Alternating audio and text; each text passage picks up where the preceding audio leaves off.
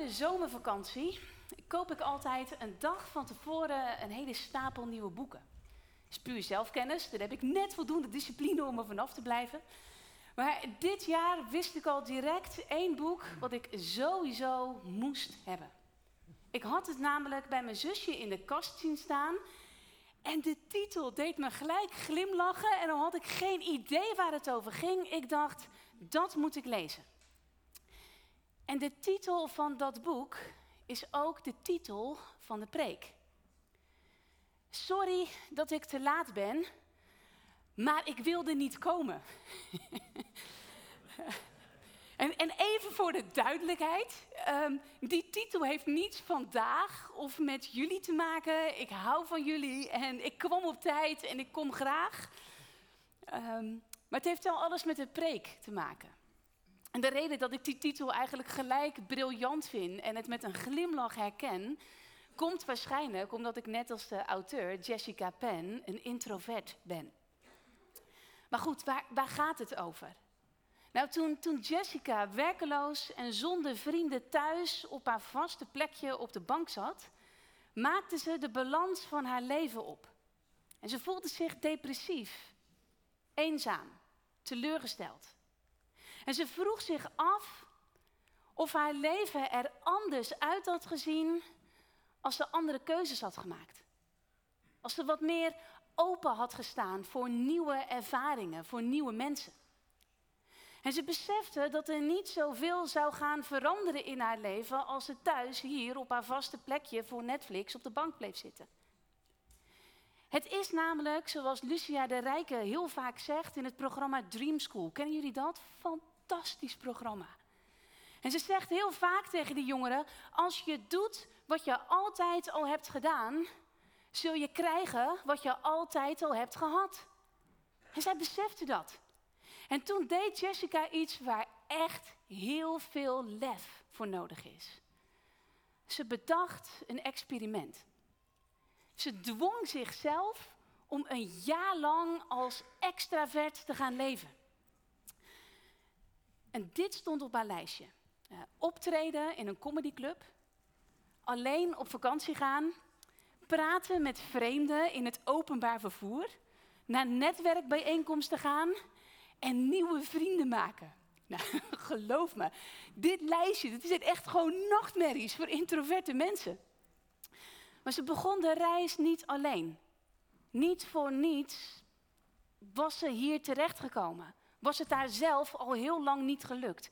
Dus ze zocht hulp van professionals, allerlei verschillende experts. En ze gaat ervoor. Ze ging aan de slag. Nou, moet wel even duidelijk zijn, haar introvert zijn op zich, dat, dat was niet iets slechts. Dat was ook niet het probleem. denk maar aan de preek van Arjan. God heeft ons verschillend gemaakt, ook introvert, extravert. Beide zijn geschapen naar Gods beeld. We hebben elkaar nodig. Maar het zat haar op een bepaalde manier, zaten haar voorkeuren, haar houding, haar instelling haar in de weg. En ze wilde juist leren hoe ze meer en echt zichzelf kon zijn, maar dan in relatie met anderen. Door zich niet langer automatisch terug te trekken, door niet langer belemmerd te worden door haar angsten, haar onzekerheden en haar vooroordelen, maar juist om dat te doorbreken. Ze wilde mensen leren kennen en dat mensen haar dan echt mogen kennen. Waardevolle relaties aangaan, meer genieten, haar leven en überhaupt het leven delen met anderen. Ze verlangde, zou je kunnen zeggen, naar een heel nieuw leven. Oh, ze had gelijk al mijn aandacht. En het boek Sorry dat ik te laat ben, maar ik wilde niet komen, volgt het hilarische, eerlijke, ongemakkelijke, prachtige en soms ronduit pijnlijke verslag van Jessica, die daar verslag van doet. Geweldig boek. De tranen liepen soms over mijn wangen van het lachen. En dat ze dan uit interesse een button oppakt in de Starbucks. En dan leest ze dat erop staat: Ik praat met vreemden. En ze gooit hem terug alsof ze de vingers net heeft gebrand. Dat leek haar mission impossible. En dan geeft haar therapeut haar de opdracht om in Londen mensen in het openbaar vervoer aan te spreken. En dan moest ze zeggen: Joh, help eens, Ik, ik weet het even niet meer. Heeft Engeland nu een koningin? En zo ja, hoe heet ze? Nou, Jessica was een zeer intelligente vrouw. En voor de record, toen leefde Elizabeth nog. Nou, ze was drie keer die hele stad rondgereisd voordat ze voldoende moed kon verzamelen om haar opdracht te gaan doen. En de eerste persoon aan wie ze het dan vraagt, die antwoordt serieus. Oh ja, natuurlijk, we hebben een koningin, Victoria. en ze moest haar tong eraf bijten om hem niet direct te corrigeren. En ze vraagt het ook nog aan vier anderen en die zeggen wel allemaal Elizabeth. Maar ze leert iets. Haar therapeut had gelijk. Sommige mensen lachen, anderen kijken je misschien wat vreemd aan, maar iedereen praat terug. Niemand belt de politie. Ze leeft nog. Zo erg was het misschien niet. En langzaam zet ze een volgende stap. Haar experiment daagt haar voortdurend uit om uit haar comfortzone te komen. Om, om eerlijk naar zichzelf en haar gedrag te kijken. Om haar onzekerheden en angsten uit te spreken. En eerlijk onder ogen te zien. Om open te staan, bereid te zijn haar eigen voorkeuren en vooroordelen los te laten en haar beeld bij te stellen. Nieuwe dingen uitproberen, nieuwe ervaringen opdoen. Just do it. Al is het doodeng, al lijkt het het slechtste idee ever.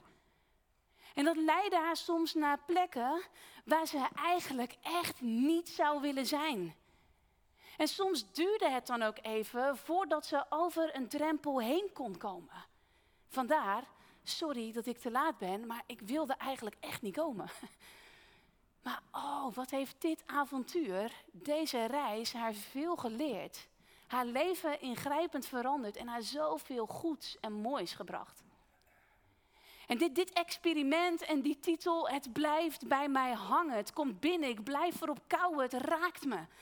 Want lieve mensen, dit is nu ook precies het avontuur waar God ons toe roept.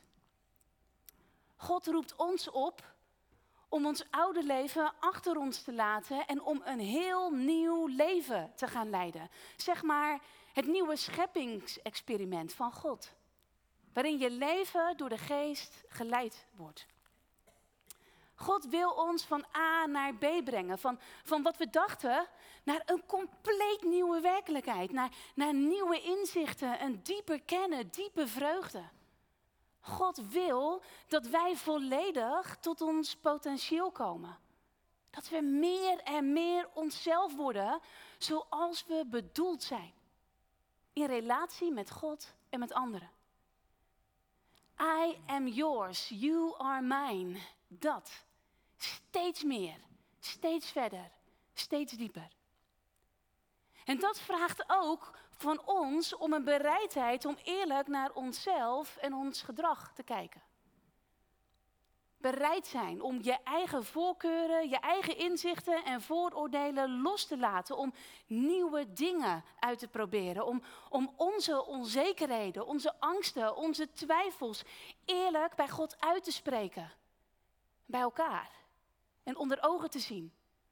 En al is het doodeng om te vertrouwen, om, om de geest te volgen. Als Hij ons leidt naar plaatsen waar we misschien wel eigenlijk niet willen zijn. En dit brengt ons vandaag bij Petrus, van wie we eigenlijk ook zo'n boek, zo'n verslag hebben van zijn avontuur. Het nieuwe scheppingsexperiment van Simon naar Petrus. Petrus was overigens een extreem extravert persoon. En we gaan vandaag naar het verhaal van Petrus kijken. En dan belanden we vanzelf in een bizar avontuur in Handelingen 10. Wat zijn leven, maar ook het leven van de kerk op zijn kop zette en voorgoed ingrijpend veranderde. Petrus. Vooral dankzij de wat eenzijdige zonderschoolversie wordt hij eigenlijk voor altijd door iedereen collectief herinnerd als de apostel die Jezus verlogend heeft. Of als de rots die zonk als een baksteen toen hij water wilde lopen. Maar dit is geen eerlijke, geen evenwichtig beeld van wie hij was. Hij was de beste vriend van Jezus. Petrus is zonder twijfel het meest ontwikkelde karakter in de Bijbel naast Jezus. Hij kwam oorspronkelijk uit Bethsaida aan de westkust van het meer van Galilea en hij is later gevestigd in Capernaum aan de noordkust van hetzelfde meer. Zijn hele leven speelde zich rond dat meer af. Hij had een sterk, hoe zeg je dat, een Galilea's accent. Hoe dan ook, ze hoorden direct dat hij uit die streek, dat hij daar vandaan kwam. Hij was visser van beroep. Hij had een klein vissersbedrijf samen met zijn broer Andreas. En hij was zakenpartners met zijn beste vrienden Jacobus en Johannes. En het begon allemaal bij dit meer, het meer van Galilea. Hier hebben Jezus en Petrus elkaar voor het eerst gezien. En hier zullen ze drie jaar later afscheid nemen. En in Johannes 1 lezen we over de eerste keer dat ze elkaar zagen. En, en Johannes benadrukt dat Jezus hem zag, als in doorzag. Johannes 2, vers 25 lezen we dat, dat Jezus het nooit nodig had om informatie over iemand te krijgen, omdat hij wist wat er in iemands hart leefde. Hij kon recht in je hart kijken. Als Jezus naar je kijkt, dan ben je volledig gekend.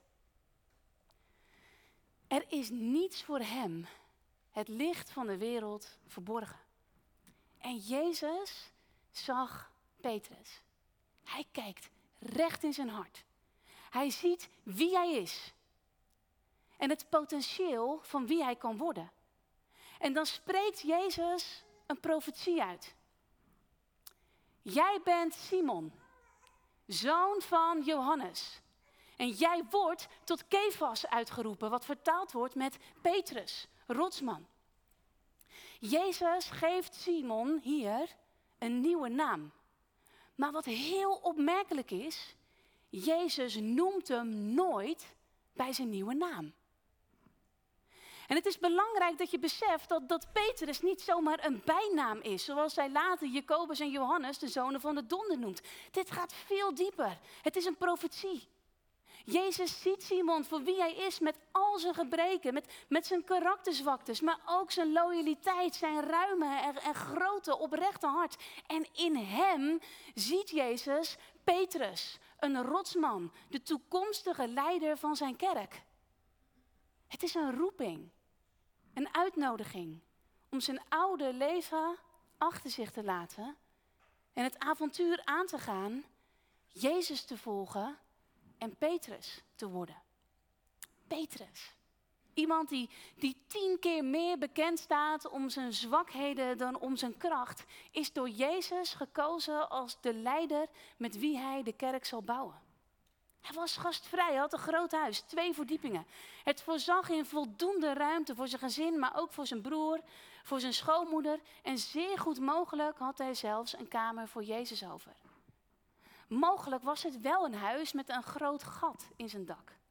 Het was heel waarschijnlijk dat het zijn huis was, waar een stel vrienden op het dak waren geklommen en er een gat in hadden gemaakt om hun verlamde vriend voor de voeten van Jezus te laten zakken. Ik ben benieuwd wat zijn vrouw daarvan vond. Hij was niet hoog opgeleid, maar hij had wel, zoals de meeste Joodse jongetjes, vanaf vijf jaar de schriften bestudeerd. Hij was heel praktisch ingesteld, een absolute doener. En van jongs af aan hecht hij heel veel waarde aan de reinheidwetten en rituelen waarmee hij is grootgebracht en waar hij zich trouw aan hield. Hij was dus getrouwd. Hij had tenminste één dochter. En vanuit de brief aan Korinthe weten we dat zijn vrouw later op sommige van zijn gevaarlijke zendingsmissies voor het koninkrijk met hem meeging. Hij maakte deel uit van de kerngroep van de discipelen, ook wel bekend als de drie. Fisherman's Friends, Simon, Jacobus en Johannes. Hij was duidelijk de leider van de twaalf. In de Bijbel worden de discipelen altijd omschreven als Petrus en de anderen. Zijn naam verschijnt altijd als eerste in een opsomming van discipelen. En het publiek, vriend en vrijhand, probeert altijd via Petrus bij Jezus te komen. Petrus was de eerste die Jezus bij naam noemde.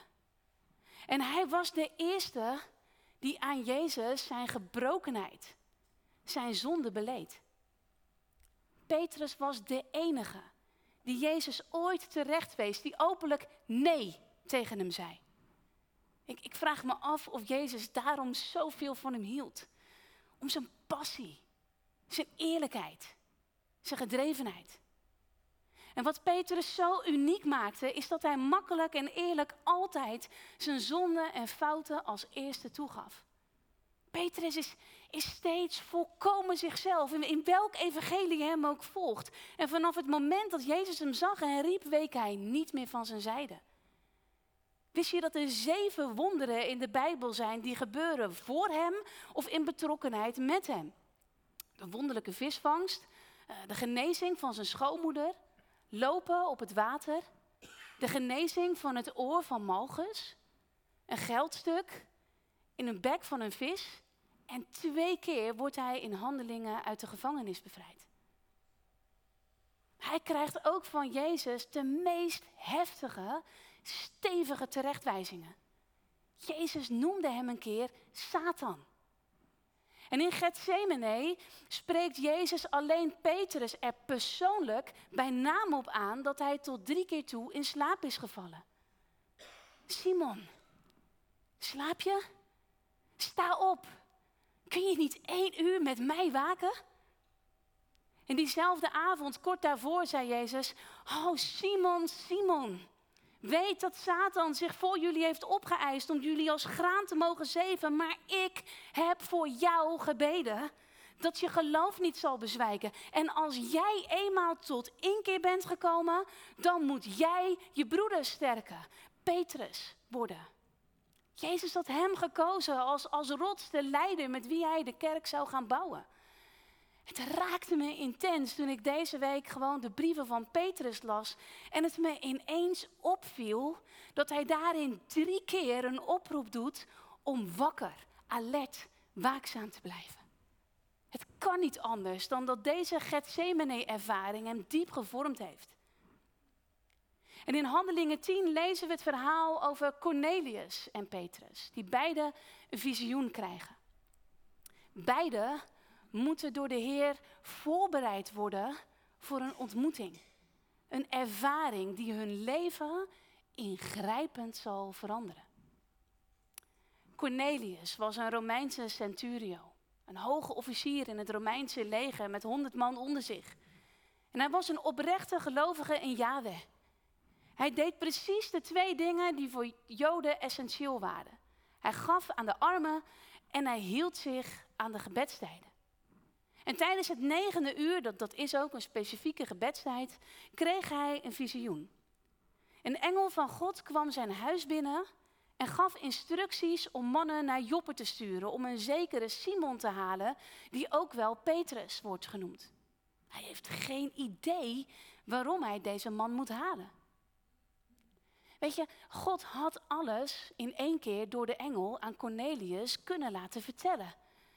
Maar God wil niet alleen de diepte en breedte van zijn liefde aan Cornelius openbaren, maar ook aan Petrus. Cornelius gehoorzaamt. En nadat hij twee dienaren en een vrome soldaat naar Joppe heeft gestuurd, bereidt God nu Petrus voor. En Petrus, die, die is, staat er dan in het huis van Simon de leerlooier. Nou, je, je zou het zo ter kennisgeving aannemen en doorlezen. Maar Lucas wil echt dat je denkt, wacht even, wat zeg je nu? Waar is die? Een leerlooier, dat was iemand die voortdurend in contact kwam met kadavers en bloed, dus met onreinheid. Het huis lag daarom afgelegen buiten de stad bij het water. Dat Petrus dat huis als verblijfplaats kiest, laat zien dat hij al veranderd is. Dat hij langzaam los begint te komen. Bijna 15 jaar bestond het christendom nu als een beweging binnen het judaïsme. En er was al wel wat uitbreiding geweest naar Samaria, waar Petrus zelf ook het goede nieuws verkondigd had. Maar weet je, de Samaritanen, dat, dat, was nog wel een groep mensen met wie ze een hele ingewikkelde, maar ook een gedeelde geschiedenis hadden. Ze geloofden in de basis wel in dezelfde God. Dat is echt een andere categorie dan heidenen. En laat staan Romeinen. Maar toch laat Lucas ons wel duidelijk zien in de tekst dat Petrus al aan het veranderen is. Er zijn veel meer gelovigen in Joppe waar hij kon verblijven. Maar hij kiest voor het huis van Simon de leerlooier. Maar God wil zo graag verder. Hij wil Petrus nog veel verder brengen. En Petrus gaat ook in gebed. En hij doet dat niet op een vaste gebedstijd, maar op etenstijd. Hij bidt met een knorrende maag. En dan wordt ook hij gegrepen door een visioen. Hij zag hoe vanuit een geopende hemel een voorwerp dat op een groot linnen kleed leek, aan vier punten op aarde werd neergelaten. En op het kleed bevonden zich lopende en kruipende dieren van de aarde en alle vogels van de hemel. En hij hoorde een stem zeggen: Sta op, Petrus, slacht en eet. En Petrus zegt: Nee, Heer, in geen geval. Ik heb nog nooit iets gegeten wat verwerpelijk of onrein is. Maar voor een tweede keer hoorde hij een stem zeggen: Wat God rein heeft verklaard, zul jij niet als verwerpelijk beschouwen. Hij is verbijsterd. Nooit, never zal ik dit doen. Dit, visioen, dat, dat is vast en zeker een test. En deze keer zal ik hem niet verloochenen. Ik zal het goed doen. Hij noemt me Petrus. Ik ben de leider van de kerk door zijn genade. Ik mag en ik kan niet falen door de instructie te volgen om te eten wat onrein is. Never. Want weet je, hoewel Petrus al aan het veranderen was, zijn denken is nog zo diep geworteld in het Joodse godsdienstige denken over reinheid en rituelen. Het is het laatste beetje oude religie in hem wat hij nog los moet laten. In Marcus, dat is het ooggetuigenverslag van Petrus zelf, staat: Jezus verklaarde al het voedsel rein. Hoofdstuk 7, vers 19. Petrus heeft het Jezus zelf horen zeggen, maar hij heeft het nooit echt begrepen. En hij worstelt hier intens mee. Hij is door en door Joods, er heilig van overtuigd dat hij het goed ziet en dat hij het goed doet. Hij zal nooit en ten nimmer iets eten wat onrein is. Dat is nu een grens die hij echt nooit over zal gaan. Zijn aanname en overtuiging, het in dit geval beter te weten dan Jezus, komt open en eerlijk naar boven. En na de derde keer wordt het kleed omhoog de hemel in opgenomen. En Petrus vraagt zich verbijsterd af wat de betekenis van dit visioen kan zijn. Tot drie keer toe spreekt de Heer, sta op tot hem. Dat zijn woorden die hij net zelf lees het maar thuis na in Handelingen 9, heeft uitgesproken bij de genezing van de verlamde Aeneas, maar ook tegen Tabitha, omdat dat de woorden zijn die Jezus steeds uitsprak tegen mensen die genezing nodig hadden. Maar nu spreekt de Heer ze tot hem. Heb ik genezing nodig, Heer? Hoe dan? Waarvan dan? Wat betekent dit allemaal?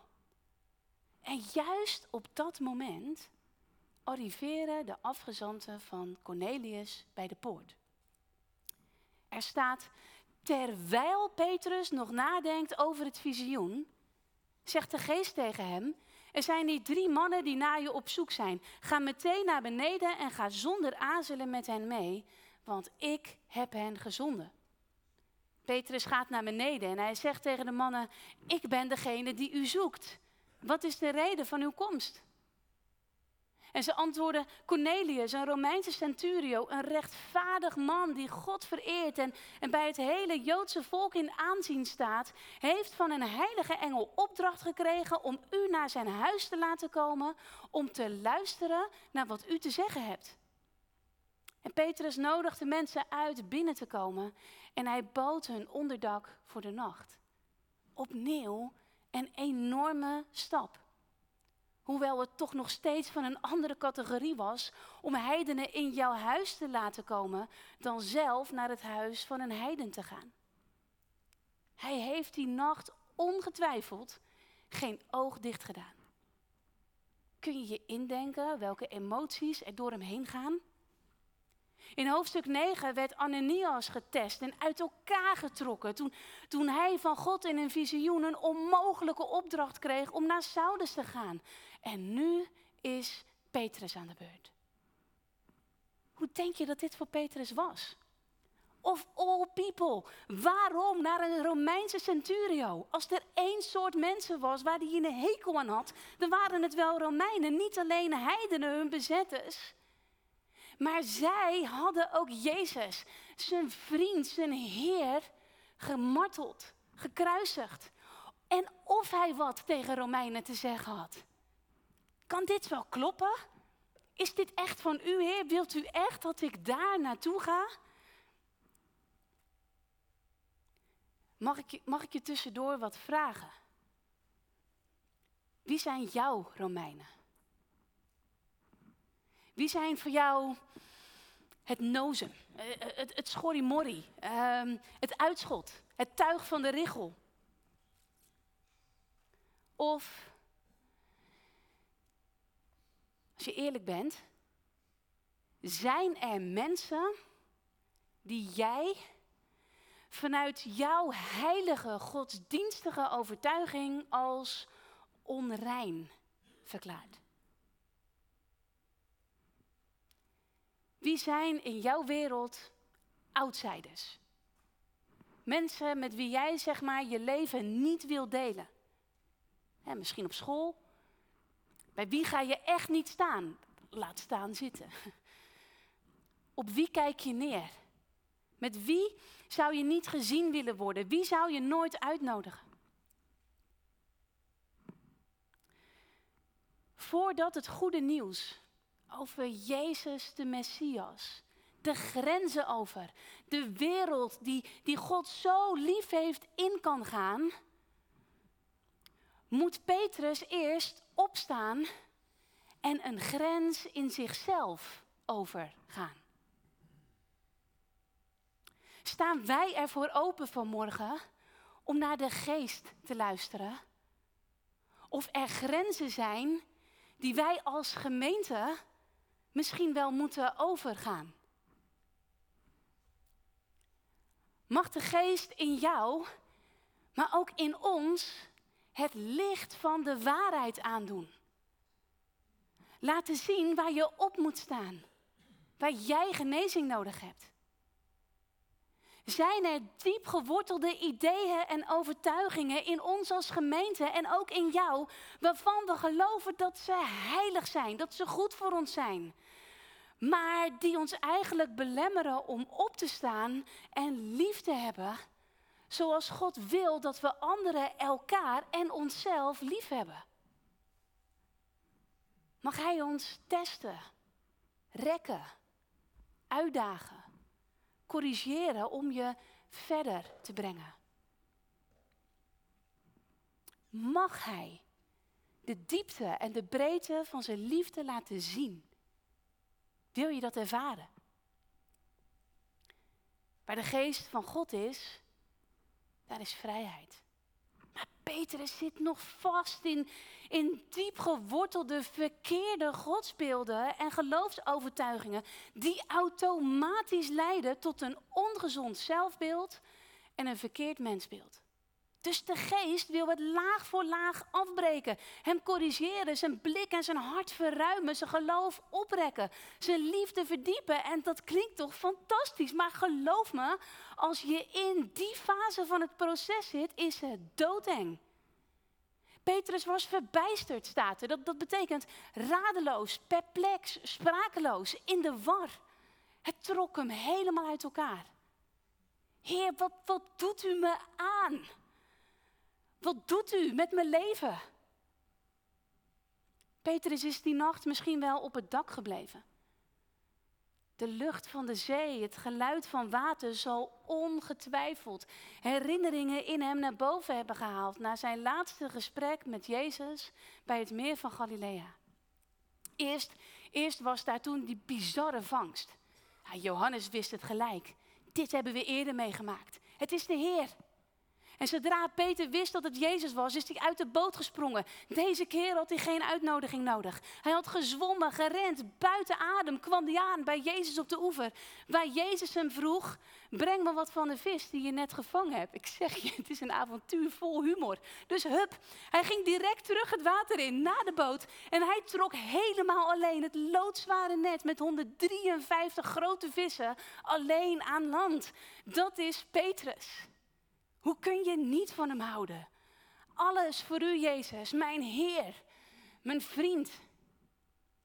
En toen zat hij samen met de anderen bij het kampvuur. En normaal gesproken voert Petrus dan het hoogste woord, maar deze avond, deze keer was hij stil.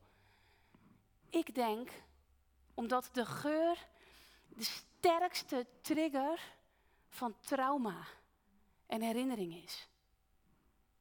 Het bracht hem in gedachten terug bij het kampvuur in de tuin van de hoge priester, waar hij drie keer had uitgesproken dat hij Jezus niet kende. En toen kraaide de haan. Maar wat hem finaal brak, was dat Jezus zich op dat moment omdraaide en hem aankeek, hem zag. En in zijn ogen zag hij dat er niets, helemaal niets aan Jezus liefde voor hem veranderd was. En hij brak, hij huilde bitter. En nu doorbreekt Jezus de stilte, hier bij dat kampvuur. En hij vroeg hem drie keer, Simon, zoon van Johannes, heb je mij lief? Drie keer.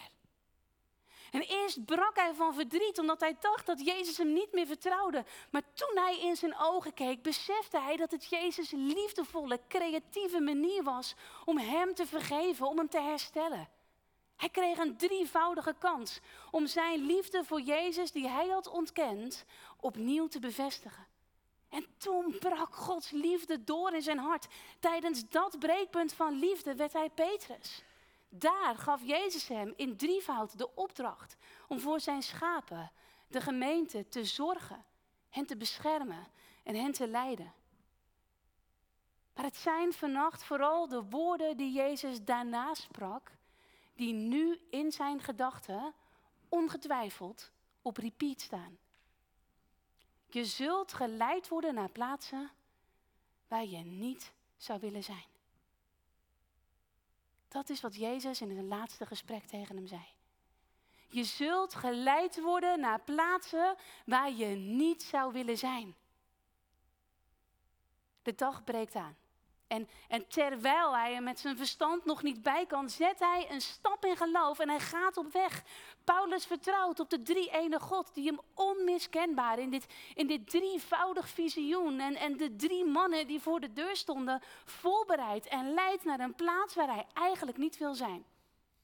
En als ze aankomen, dan, dan loopt Cornelius hem al tegemoet en hij knielt voor zijn voeten. Hij heeft geen idee wie Petrus is en wat hij komt vertellen. En Petrus die heeft nog geen idee waarom hij hier is.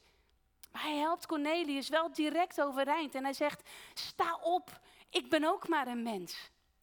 En al pratend lopen ze samen naar binnen en dan staat er, tot Petrus' verrassing treft hij daar een groot aantal mensen aan.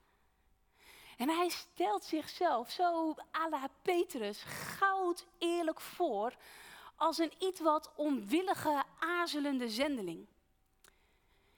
Ik hoor hier dus niet te zijn en wilde eigenlijk niet komen. Maar God heeft me overtuigd.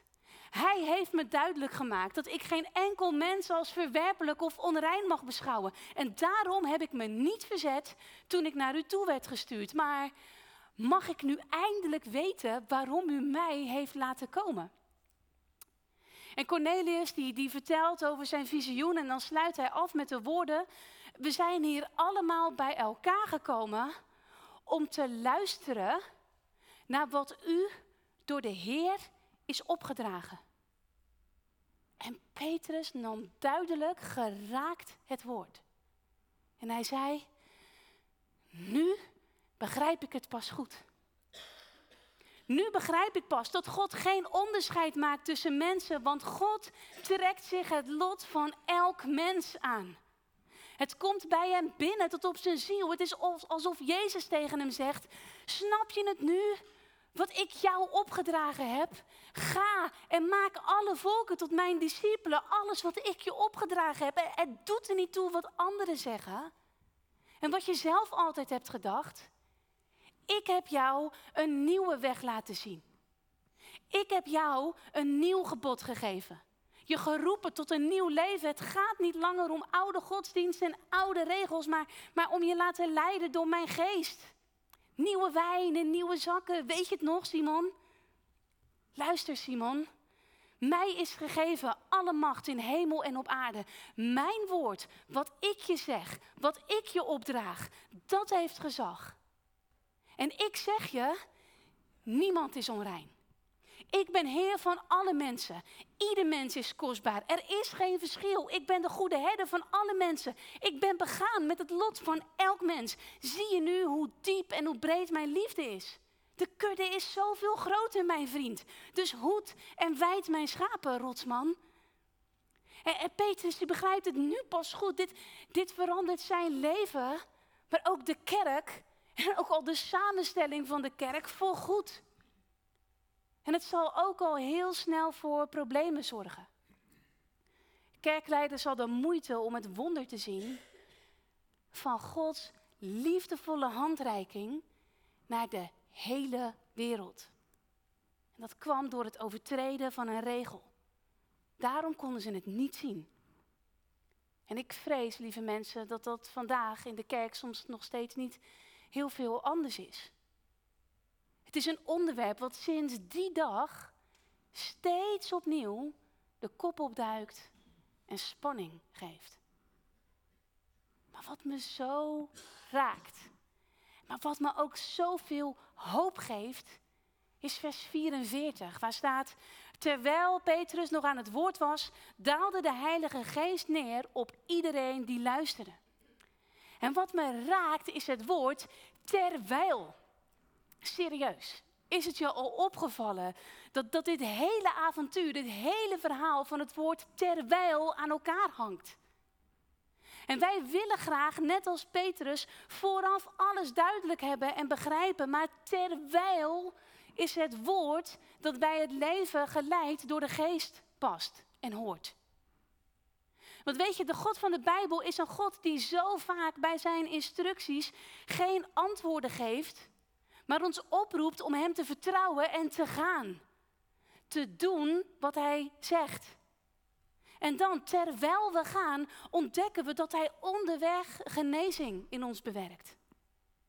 Dat Hij ons onderweg, terwijl we gaan, met Zijn liefde losweekt van onze angsten en vooroordelen. Dat Hij ons stap voor stap geduldig leidt en dat Hij al voor ons is uitgegaan en alles heeft voorbereid. En dat we dan zo vol vreugde ontdekken dat waar Hij ons brengt,